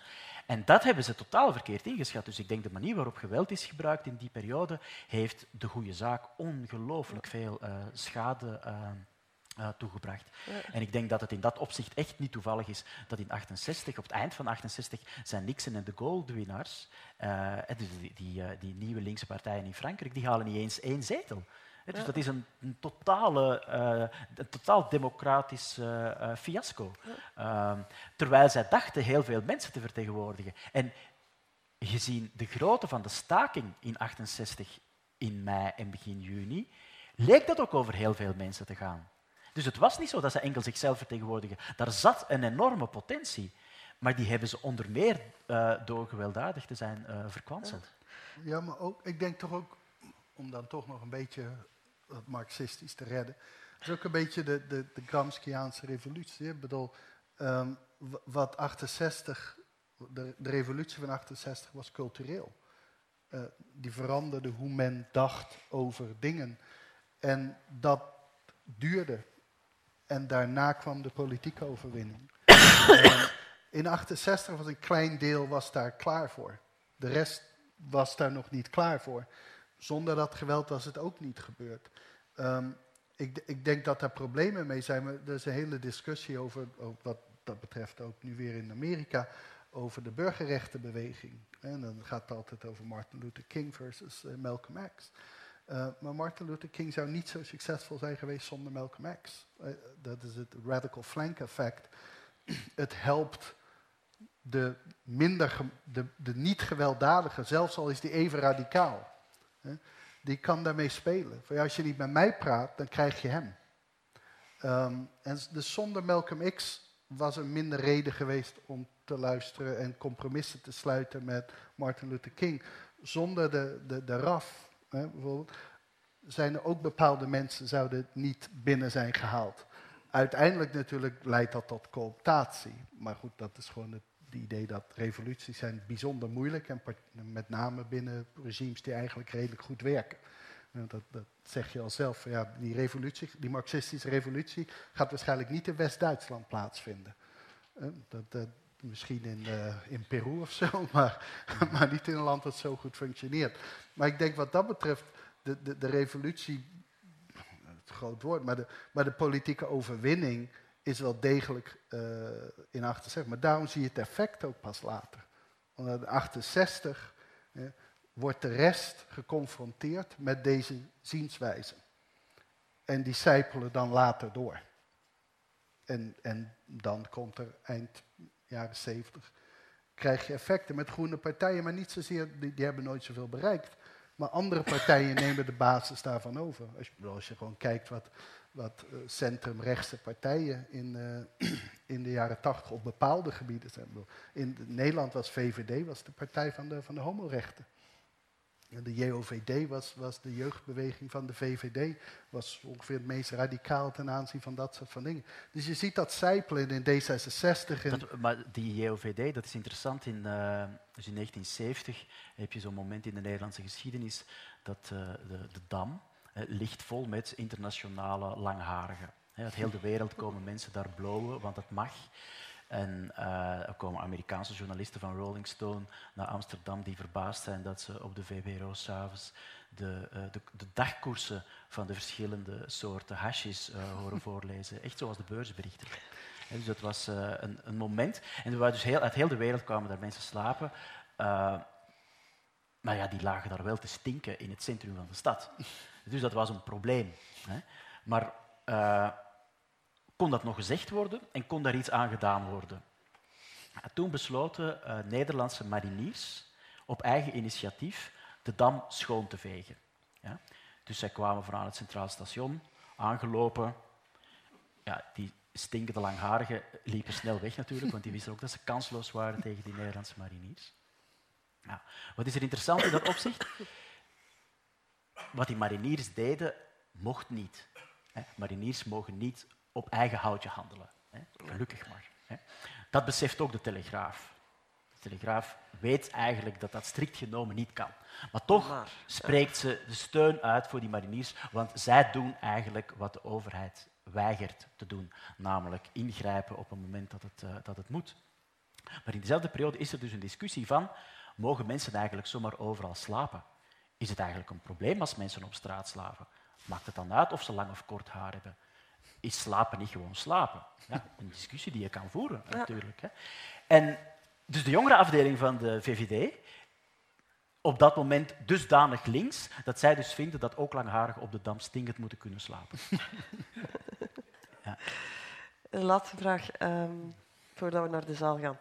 Um, Luc van Middelaar in zijn boek over Franse politieke filosofie besteedt heel veel aandacht aan uh, Sartre en de hele kringen rond in 68. Uh, de, de, verleidingen van, van, het zeer laat afstand nemen van het communisme en wat, wat men toen al wist. Uh, het flirten met geweld, met Fanon, met oorlog in Algerije, noem maar op. En zegt van je ziet daar een, een, met alle revolutionair gepraat en alle inzichten die er zijn, eigenlijk een fundamenteel onvermogen om de liberale democratie te denken. Dat komt pas later in Frankrijk met Claude Lefort en, en, en anderen. Um, als een soort van erfzonde van mei 68. U bent de hele tijd aan het zeggen hoe we tegen populisme toch, toch op een assertieve en juiste manier en met de juiste dingen in het politieke debat uh, die liberale democratie moeten gaan verdedigen tegen populisme. Maar eigenlijk zit je daar met een generatie die het eigenlijk ook nog niet helemaal begrepen had, zegt Luc van Middelaar. Ja, ik, ik denk dat, um, ik denk dat voor, mij was 2016 eigenlijk een, een, het meest schokkende jaar wat ik me kan herinneren. En niet vanwege Brexit of Trump, die ik beide niet zag aankomen. Ik zit altijd mis trouwens. Maar, um, maar anderzijds ook niet bijzonder verbazingwekkend vond. Ik dacht gewoon dat het 48%, 52% de andere kant op zou zijn. Um, maar, de, maar de reacties van de zogenaamde liberaal-democraten daarop. Uh -huh. Brexit kan dramatisch zijn en, en de, de, Tories doen er van alles aan om het dramatisch te, te maken. Uh, maar het was een democratische beslissing. Er was geen manipulatie rond. Was, uh, en de, de, binnen een dag of twee begint iedereen te schreeuwen van... ja, er moet een tweede referendum komen. Wat natuurlijk een redelijke geschiedenis heeft binnen de EU. Want als het referendum verkeerd uitvalt, dan doen we er gewoon nog eentje. Um, met Trump hetzelfde. Het gaat door een heel jaar, maar die is niet echt verkozen. Want, die had, want had maar 46 procent. Dat is waar, maar je systeem werkt zoals het werkt. En het systeem heeft een electoral college. Dat is idioot en ondemocratisch, maar daar heb je heel lang geen probleem van gemaakt. En, en wat 2016 toonde, was hoe flinterdun eigenlijk de steun voor liberale democratie is onder mensen als ze verliezen. Want de liberaal-democraten die altijd hebben geschreeuwd van, ja, die anderen zijn niet liberaal. Die waren heel tolerant, maar tegen wie? Tegen andere liberaal-democraten. Ja, maar goed, ik, ik laat toch die christendemocraat ook praten. Ja, die zegt ongeveer hetzelfde, dus dat is niet zo gek moeilijk. Eh, um, en, en dat is iets waar, waar veel te weinig reflectie over is. En ik moet eerlijk zeggen, ik heb het zelf ook gehad. Ik ben jarenlang ben ik de kampioen geweest van de rechten van radicaal rechts. Maar dat was heel makkelijk, want die waren klein. Um, en, en dus kon ik heel groots, groot, grootsmoedig doen. Um, nu zijn ze aanzienlijk groter en ik vind het aanzienlijk moeilijker om grootmoedig te zijn. Um, maar het punt is natuurlijk wel gewoon dat liberale democratie geeft rechten aan iedereen en, en beschermt die. Altijd. Ongeacht van wie het zijn. En wij hebben decennia lang beweerd dat we dat doen, maar we deden dat eigenlijk niet. Um, en als je heel eerlijk bent, dan waren er heel veel mensen, en ik denk in landen als Nederland en Duitsland, waarschijnlijk België ook, die daar eigenlijk ook helemaal niet in geloven. Die geloven, die geloven gewoon dat sommige mensen niet dezelfde rechten moeten hebben. En dan kan je zeggen van ja goed, dat, dat, dat, daar geloof ik in en, en daar heb ik redenen voor. Maar dat is natuurlijk toch ook gewoon wat radicaal rechts vindt. Is een andere groep die zij willen uitsluiten. Uh, en je mag wel zeggen dat jij, moreel een beter idee hebt, maar dat vinden zij natuurlijk ook. Dus als je dan een discussie hebt, ga je niet op elkaar komen. Um, en dus voor mij is dit is echt het moment dat we, dat we echt moeten gaan nadenken van ja, welk systeem staan we voor. Want ik heb liever dat liberaal de mensen die nu zeggen ik ben een liberaal-democraat, dat gewoon eerlijk zeggen van ja, ik ben een liberaal-democraat, maar alleen voor mensen die grofweg hetzelfde denken wat ik denk. Uh, want, want dan weten we waar we staan. Uh, en dan kunnen we een debat daarover hebben. Moeten we zo'n systeem hebben? Of moeten we een echte liberaal-democraat? Maar dat debat hadden we nooit. In Nederland had ik ehm, in de jaren negentig verdedigd vrijheid van meningsuiting. En ik ben totaal extremist, je moet absoluut alles kunnen zeggen. En er was er altijd maar één iemand die met mij mee was, dat was altijd een VVD'er. En dan, dan, dan, dan, zei de journalist, oh ja, maar betekent dat ook dat je wat racistisch kan zeggen? En de VVD, nee, nee, dat natuurlijk niet. Ja, dat is dus geen vrijheid van meningsuiting. Um, maar ik denk dat eigenlijk de meerderheid van de mensen helemaal geen vrijheid, volledige vrijheid van meningsuiting willen. Maar ze durven niet te zeggen dat ze dat niet willen. En ze houden elkaar allemaal voor de gek. Zo denken we dat we een systeem hebben wat we niet hebben. Ja. Um, en, en als jij dan gaat zeggen tegen die radicaal rechtse van ja, dat mag je niet doen, want wij hebben dat nooit met jou gedaan. Zeggen, ja, sorry hoor. Maar uh, ik werd veroordeeld omdat ik zei vol is vol. Dat is in Nederland, hè. Door Jan Maat werd veroordeeld voor vol is vol. Als we iedereen nu gaan veroordelen die vol is vol zegt in Nederland, dan, dan hebben we geen files meer hoor, kan ik je verzekeren. Wil jij nog inhaken? Ja, ik, bedoel, ik, ik volg in, in, grote lijnen wat je zegt, maar toch de nuancering daarvan. Ik kan mij uh, herinneren dat uh, na discussies, zowel over het, uh, over het cordon sanitair, dus, dus, dit zijn debatten in, in de jaren negentig, maar ook heel concreet rond het, het vis in Algerije, ook in de, in de jaren negentig, toch echt ook wel gingen over waar de grenzen van de liberale democratie zitten op het moment dat de macht wordt gegeven aan mensen wiens enige doel is om die af te schaffen.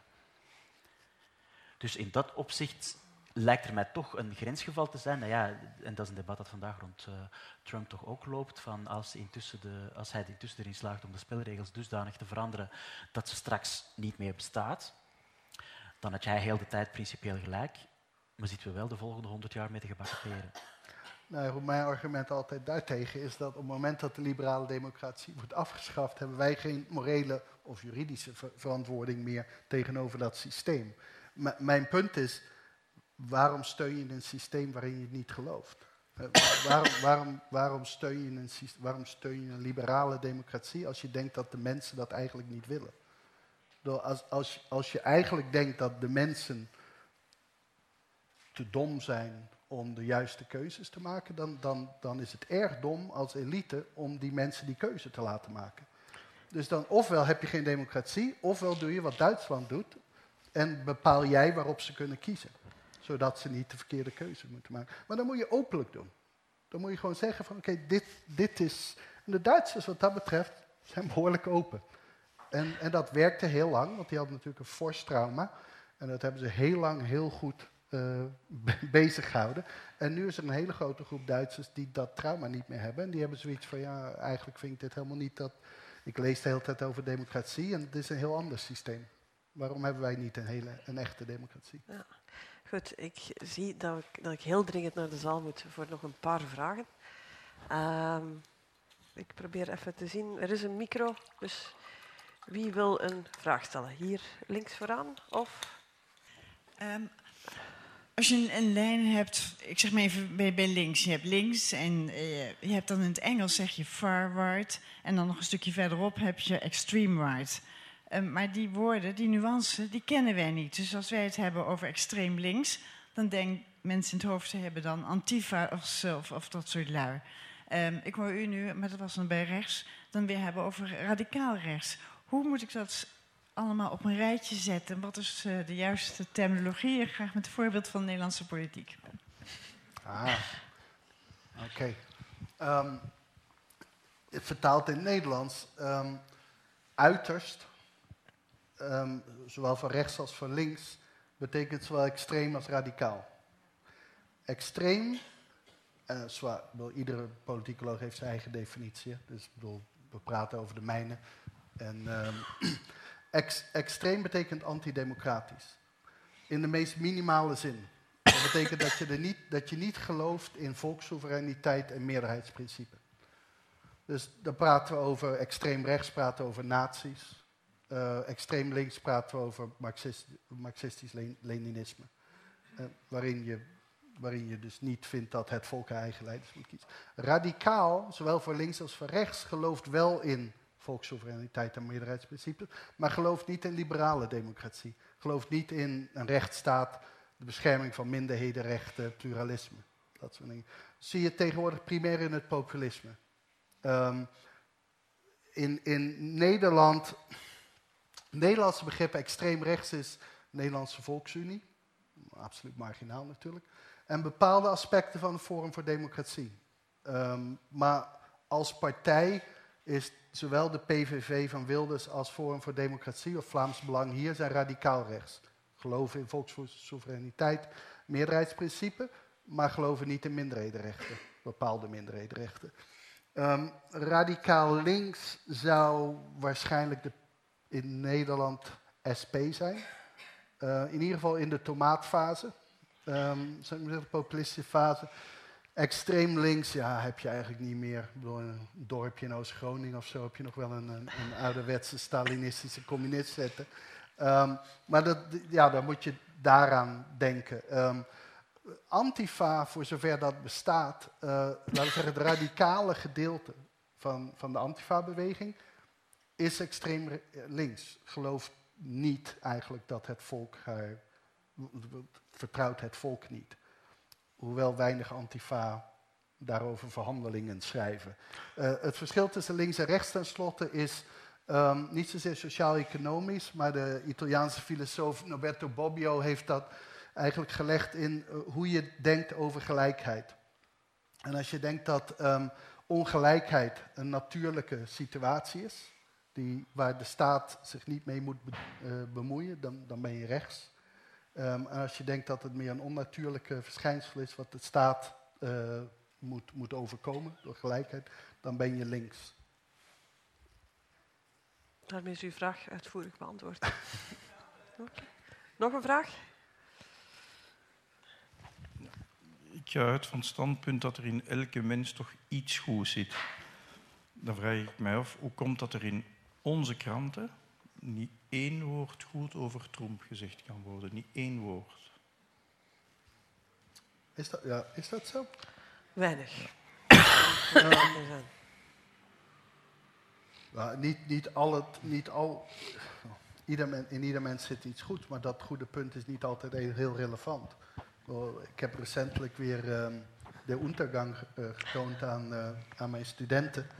En, en, Hitler is heel erg aardig voor zijn secretaresse. Maar als ik, als ik het over Hitler heb, is dat nou niet direct een van de punten die ik in, uh, in mijn uh, uurlezing ga, ga gebruiken. Um, maar het gaat verder. De, we, zitten in stereotypen. En, en de wijze waarop radicaal rechts in het algemeen wordt weergegeven is stereotyp. En dat heb je hier in, in, in Vlaanderen decennia gehad en in Wallonië gaat het nog steeds door. Dat, dat alles wat enigszins normalig is dat van het Vlaamse belang komt, wordt niet vermeld. Alles wat onacceptabel is, wordt uitvergroot. Daardoor zie je dus gewoon maar één kant van het Vlaams belang. En dat, en dat, is, dat is een ontzettende domme interpretatie. Want dan, daardoor begrijpt natuurlijk niemand hoe een partij als Vlaams Belang of iemand als Trump succesvol kan zijn. Maar het is niet makkelijk om van Trump goede kanten te laten zien. Ik heb persoonlijk heel weinig probleem met vrij veel radicaal rechtse politici. Ik heb net eerder vandaag Barbara Pas uh, geïnterviewd. En ik was bijzonder onder de indruk van, uh, van hoe uh, ze nadacht over politiek en dat soort dingen. Ik kreeg niet het idee dat ze een vervelend mens was. Trump lijkt me echt een heel vervelend mens. Ik, vond Hillary Clinton ook geen prettig mens trouwens. Um, maar, maar, dat gaat dus breder. Het gaat gewoon over het clichébeeld. En, en ik vind dat zie, je, dat zie je veel meer de laatste decennia. Dat de media hebben frames. Voor alles. Voor landen, voor politici, voor partijen. Uh, als de, de, New York Times over Nederland. Kan geen artikel schrijven over Nederland zonder Wilders erin. Al gaat het over iets waar Wilders niks over heeft gezegd. Want dat is het frame. En, en, Italië is chaos. En, en, Trump is idioot. en, en, dus dat, dat soort van frames, dat, dat hebben we tegenwoordig veel, veel sterker. En, het, en, dat leidt ertoe dat je dus je, een, een iets positiefs over Trump melden, betekent dat dat frame op spanning wordt gezet. En dat is moeilijk. Lisbeth, wil jij daar niks over zeggen? Wel, Eén, je hebt inderdaad, wij volgen niet dag aan dag. Ik denk zelfs ook de Morgen en de Standaard gaan niet dag aan dag over Trump berichten. Dus wat schiet eruit? De dingen die ja, eruit springen. En dat zijn er bij Trump nogal veel. En daar is het vaak moeilijk om er iets positiefs over te zeggen. Ik ben zelf als journalist, uh, en ik, Amerikaanse politiek is zo'n beetje een hobby van mij, voor de krant drie weken naar de feest geweest voor de verkiezingen. En daar heel hard um, op zoek gegaan naar um, mensen die voor Trump gingen stemmen. Ik was naar de twee op zoek hoor. Maar je probeert daar een gesprek mee te hebben. Want je hebt de mensen op de rallies en dat was moeilijk. Daar moeten we eerlijk in zijn. Uh, dat was moeilijk. Maar ik, heb, ik was niet zo verrast toen hij won omdat ik met heel veel mensen had gesproken, die heel redelijke mensen waren en die, vanuit een, die perfect konden zeggen wat er allemaal fout was aan Trump. Uh, wat, wat ze niet met hem deelden, maar uiteindelijk tot een soort van rationele keuze kwamen in eenmaal een vrij binair systeem. Uh, en dat konden uitleggen. En toen dacht ik van, ja, dit zijn redelijke mensen die een keuze maken die in Europa ongeveer niemand begrijpt. Uh, want dat is inderdaad het frame waarmee we naar kijken. toen kreeg ik, toen ik terugkwam, uh, van een paar mensen de opmerking dat ik te vriendelijk was geweest voor de Trump-kiezers. En denk, allee, ik als journalist ben ervan overtuigd dat we daar wel vanaf moeten. Dus daar snap ik je, je opmerking wel, want dan kan je het inderdaad ook niet gaan begrijpen. Dan, dan kan je alleen maar in volle verbijstering zitten kijken naar het idee dat plots 46% van Amerika zot geworden is. Wat natuurlijk niet het geval is. Um, allee, maar gradaties op zijn minst, ja. laten we het zo noemen. Ik, ik weet niet hoe bijvoorbeeld de State of the Union hier werd, uh, verslag van werd gedaan. Uh, ik heb het ja, zelf over, over ja. geschreven. Ik, ik, vond zijn State van, of the Union was, was, was een slam dunk. Die was fantastisch voor wat hij moest doen. Um, en ik vind, dat, ik vind dat eigenlijk altijd met name... Uh, ik, ik, had dat vroeger bijvoorbeeld met Philip de Winter. Uh, Philip de Winter was een geniaal, was een geniaal politicus. Um, en wat hij met het Vlaams Belang heeft gedaan, want hij, het was hem, het was niet der Wans, het was niet Karel Dille, die startte het op. Wat hij had gedaan, zowel in de partijorganisatie, hoe die dat opbouwde en hoe die de media bespeelde, eindeloos. Dat, dat, is, dat, is, dat is een vak. Dat is goed. Dat heeft niks te maken met moreel goed. Dat is gewoon politicus moet bepaalde dingen doen en hij deed die dingen. En ik, ik heb nooit begrepen waarom, waarom je dat niet zo kan benoemen als je er tegen, als je er tegen Ik denk zelf dat als je het, het, echt wil bestrijden, dat het nog veel belangrijker is eigenlijk dat je gewoon ziet waarin men sterk is en waarin men niet sterk is.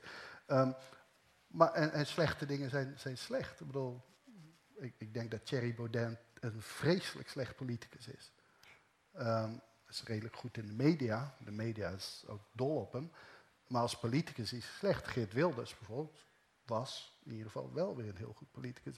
Dus wat, wat dat betreft, ben, ik, ik ben het hem eens. Ik denk dat de media in het algemeen te, uh, te veel in hokjes zit. En maar ik denk dat dat hokjes sowieso het probleem is, eerder dan specifiek Trump.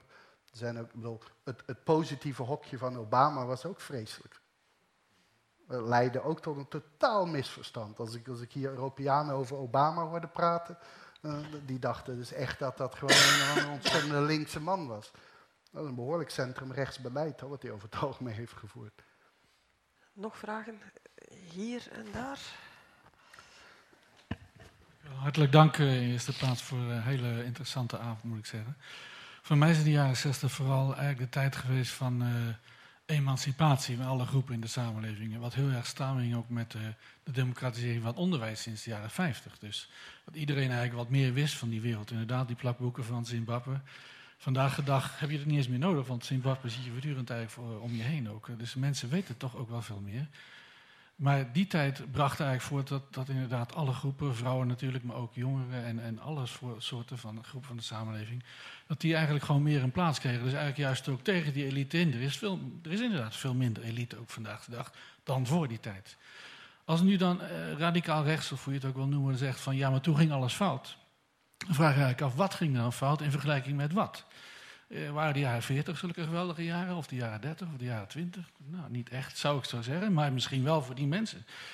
Thierry Baudet geeft als vergelijking dat het hoogtepunt van de Nederlandse samenleving, dat was voor 1850.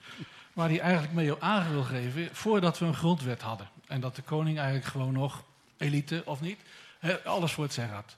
Dus eh, is dat misschien waar we aan moeten denken als men het heeft eh, toen is alles fout gegaan? Eh, dat wil ik toch nog eens even graag horen. Ja, kijk, Hans Janmaat was, was een veel beter woord. Han- voor Hans Janmaat was het de jaren 50. En, en op een bepaalde manier, Trump is ook een beetje jaren 50, jaren 60. Voor a- 68. Maar ook zoals ze herinnerd zijn en niet Zoals zoals, ze herinnerd zijn, Ja. inderdaad. Hoewel, ik denk niet dat Trump zo'n groot probleem heeft met het feit dat vrouwen toen gerecht hadden en dat er, ras- dat er geïnstitutionaliseerd racisme was. Ehm, sommige politici zeggen dat ook. Toen, toen kende iedereen nog zijn plaats. Met, name natuurlijk vrouwen en homoseksuelen en niet-blanke mannen. Ehm, Thierry Baudet weet echt niet waarover hij praat. Ik bedoel, dat is, ik, ik, hij zei recent weer iets, had iets met een, met een tweet en ik heb gewoon ben gestopt met het te hertweeten, met zeggen dit is dom, want ik kan wel bezig blijven. Ehm, ja, 1850, ik weet helemaal niet of hij weet wat er toen gebeurde. Ehm, ik denk dat hij, dat hij zelf weet dat de jaren 50 het, het niet zijn, de jaren 70 kan niet. Eh 30 begrijpt hij ook wel dat dat niet echt eh, de, de periode is. Dus ja, die, hij pakt er maar één en denkt dat hij hoopt dat niemand weet wat er toen gebeurt. En dat hij hem dan kan invullen. Ehm, en hij denkt natuurlijk dat hij... eh, recent was, zat hij ook weer in de, in de gouden eeuw van, eh, van Nederland. En, eh, dat is echt een apart fenomeen. Voor de meesten is het toch een mythische jaren 50. Ja. Eh, en, en, ehm, en daar gaat het heel erg over... Iedereen kende zijn plaats. En, en predictability. Dus, zeggen, want we- wisten waar we stonden. en natuurlijk, je hoefde de, de- je, je, je, je fiets niet op slot te doen. En dat, soort- dat bestond natuurlijk allemaal niet. Maar dat is de visie die we hebben. Maar die hebben zij niet gecreëerd. Hè? Ik bedoel, die visie van de jaren 50 is deels wat je in de jaren 50 zag op tv. En dan later ook een beetje het kleinburgerlijke, wat dan belachelijk werd gemaakt. Hebben mensen gezegd van ja, dat is eigenlijk helemaal niet zo slecht was dat, dat kleinburgerlijke. En dan, halen we de nare kantjes dan uit. En dan veilen we de, de, de, de, de prettige kantjes wat op. Dus ik denk dat het jaren 50, begin jaren 60 zijn. Denk jij, Geert? Nou, er is een, eh, een, een foto van Trump waar hij eh, poseert naast twee eh, pakken papier. Je hebt een heel laag pak papier en dan een heel hoog pak papier. En dat is volgens hem de hoeveelheid overheidsreglementen die bestaan voor zakenlui. En daar hangt heel symbolisch rode tape rond. Red tape, wat in het Amerikaanse Engels staat voor bureaucratie. Ja. En dus daar staan bordjes bij. 1960, 2017. Ja. En dat was het dus, denk ik. Wat, wat hij wil, is een wereld waarin hij gewoon helemaal zijn gang kan gaan. En waarin er dus niet een overheid is die milieuwetgeving, eh, voedselveiligheid, eh, al die diensten die hij nu ontmantelt, die te maken hebben met al die aspecten. Eh, dat is, speelt denk ik echt een heel belangrijke rol. En daar komt bij, uiteraard, alles wat te maken heeft met, eh, met rechten eh, van minderheden. Maar Trump is natuurlijk in zoveel opzichten een karikatuur en ook iemand waar wij niks over te zeggen hebben. Maar ik zou echt geïnteresseerd zijn, bijvoorbeeld bij types zoals, zoals de Wever, om gewoon te vragen van oké, dus to- toen ging het allemaal mis. Maar wil je dan opnieuw naar een situatie waarin vrouwen, wanneer ze trouwen, Nee, want- ontslag moeten indienen? Want daar was hij blij voor, hè, dat we dat nu niet meer hadden. Dat, dat, dat niet meer. Daar was hij blij Ja. voor. Maar er is een lange, lange lijst Nee, dingen ho- die, die mensen vandaag vanzelfsprekend vinden en echt niet meer terug willen. Ja? maar-. En, dan, en maar wat hij dus weigert te zien, volgens mij, daar hebben we het al eerder vandaag over gehad, is dat je die dingen niet los kan zien. Je kan niet zeggen van ja, we gaan nu iedereen spreekrecht geven en dan zeggen, ja, maar ik moet nog altijd wel altijd gelijk hebben. Dat kan niet Eh, samengaan. Ik denk wat mag blijven is hetgene wat nu kan gebruikt worden tegen moslims. Holibies en, en vrouwen. Dat, Ja. Die mogen blijven. Ja, maar, Want daar, die kunnen we onder de neus van de moslims. maar dat is ook de interpretatie. hè, Dat waar, het, waar het fout ging was... Want zelfs eh, Marine Le Pen is heel interessant over feminisme. En die zal zichzelf nooit feministe noemen. Behalve als het echt goed uitkomt. Ehm, maar als je dan vraagt naar de eerste golf, Dan zeg ik, nou, natuurlijk, stemrecht en dat soort van dingen. Maar dan krijg je de cliché van de tweede golf. Hè, van, van de BH-verbrandende lesbisch. Hè. En, en dat wil ze niet. Maar eigenlijk, ze neemt 80% van de waarde over van feminisme. En ik denk niet dat Marine Le Pen ook maar enigszins denkt dat zij minder is dan een man. Maar, maar zij, zij, zij bindt dat aan wat. En, en dan vaak, uiteindelijk is het als de cultuurmarxisten samenkomen met de moslims. Het, daar gaat het fout. En het is eigenlijk niet 68. En daarin krijg je die rare draai waarin ze dan gaan zeggen van... ja, wij zijn eigenlijk de echte opvolgers van 68. Ze zullen het niet expliciet zeggen, maar eigenlijk zeggen van ja, goed, de ideeën, en natuurlijk, dat, dat, zijn goede, dat waren goede ideeën, dat is, ook, dat ook logisch, dat zijn Nederlandse ideeën of Belgische of Vlaamse, wat dat zijn. Maar ze werden geperverteerd hier. En ze moeten terug waar het eigenlijk om ging. En dan, wat zij dan eigenlijk doen, is natuurlijk het herdefiniëren van 68. Ja, maar die stonden daar helemaal niet voor dit. Die stonden daar voor dit, dit en dat. En daar zijn nu wij de, de erfeigenaars van. En dat de rest, ja, dat, dat is die, die extremisten en, en, en daar moeten we vanaf. Um, want uiteindelijk zijn zij, zij zijn er een product van. En, en op bepaalde manieren zelfs heel erg. Als je kijkt naar bijvoorbeeld de Vlaamse beweging en, en met name het radicale deel, heel veel van hun ludieke acties zijn precies hetzelfde als die van de linkse van 68. De alt-right tegenwoordig is, is, een, is een kopie op vele manieren van, van wat het, het links was. Heel veel van, van die dingen, het schoppen tegen het gezag en al dat soort van dingen, ze zijn dat helemaal. Maar zij zien dat niet. Dat deel zien zij niet meer als links. Dat is nu gewoon. Um, en, en de andere dingen die ze niet vinden, dat, dat zijn de dingen die daar. En die kan je dus scheiden, want die zijn niet met elkaar verbonden. Heb je tijd voor nog een laatste of moet ik echt afronden? Eén laatste vraag. Er was hier, er was hier daarnet al, u was er net al, uh, hier links vooraan. En de rest is dan inderdaad bij een drankje. Goed. Hartelijk dank. Uh, ik was erg getriggerd door uh, de laatste stelling van uh, Mudde... dat eigenlijk de grootste schok van 2016 niet zozeer is het resultaat... maar het feit dat liberale democratie voor de verliezers... kennelijk toch een vrij lastig te accepteren verschijnsel is... maar ik, dat, daar, daar, herken ik me zeer en ik herken ook zeer in, in de analyse dat eigenlijk veel te weinig mensen de vraag op die manier stellen. Maar eigenlijk zou ik dan wel graag ook een antwoord horen van uh, Cas. Van wat is een begin van een denkrichting om daar dan iets aan te doen? Hoe winnen we dat weer terug? Of moeten we juist aan een andere. Je, je, gaf eerder in je, in je, in je praatje aan dat veel populisten, die toch ook steeds belangrijker worden in, uh, in, in het Europese, juist heel erg zoeken naar een ondemocratisch liberalisme. Om de, in elk geval dat aan de kaart te, willen stellen. Dus ik vroeg me gewoon af, ik, ik, deel je analyse en ik deel ook het gebrek aan urgentie dat je daarbij ontwaart. Maar wat is een begin van een antwoord om dat weer recht te trekken?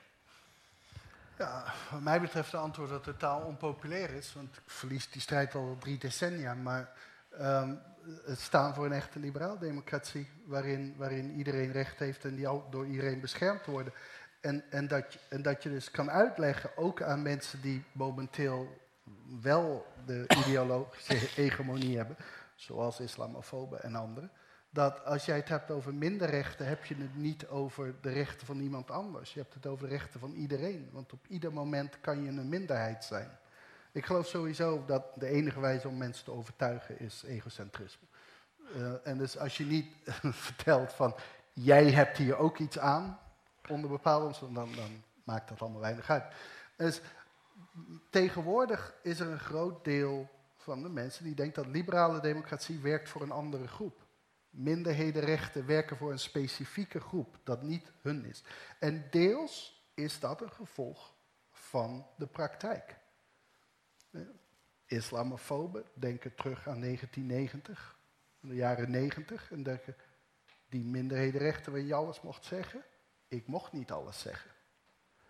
Dus wat dat betreft, ik, ik denk dat dat de enige manier is. Als je gewoon zegt van je hebt baat bij dit systeem. Omdat de meerderheid van vandaag kan de minderheid van morgen worden. En je, ziet dat, want momenteel heb jij de hegemonie. Nu, er zijn altijd mensen die daar niet in gaan geloven. Het grote probleem is, de meeste liberaal-democraten geloven hier niet in. Um, maar als jij selectief gaat zijn met je systeem en zegt van goed, ik bescherm dit wel, maar dat niet. De mensen die jij niet gaat beschermen, die hebben natuurlijk geen belang bij jouw systeem. Dat is logisch. En, en ik denk dat, dat daar zitten we. En ik denk dat rechts, radicaal rechts, um, overdrijft de repressie die in de jaren 80 en 90 bestond. Die was niet zo zoals men daar nu over praat.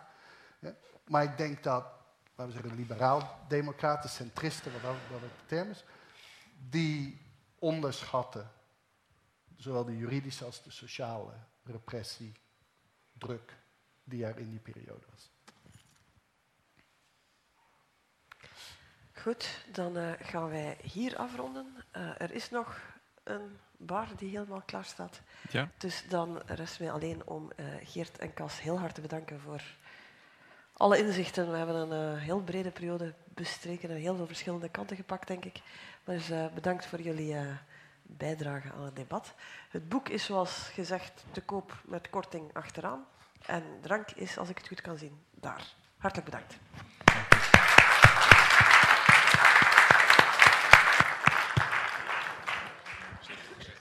Je luisterde naar een podcast van De Buren, het Vlaams-Nederlands Huis voor Cultuur en Debat. Benieuwd naar ons literaire aanbod? Luister dan ook naar radioboeken, citybooks en andere audioverhalen. Ontdek ons podiumprogramma en al onze digitale producties op www.deburen.eu.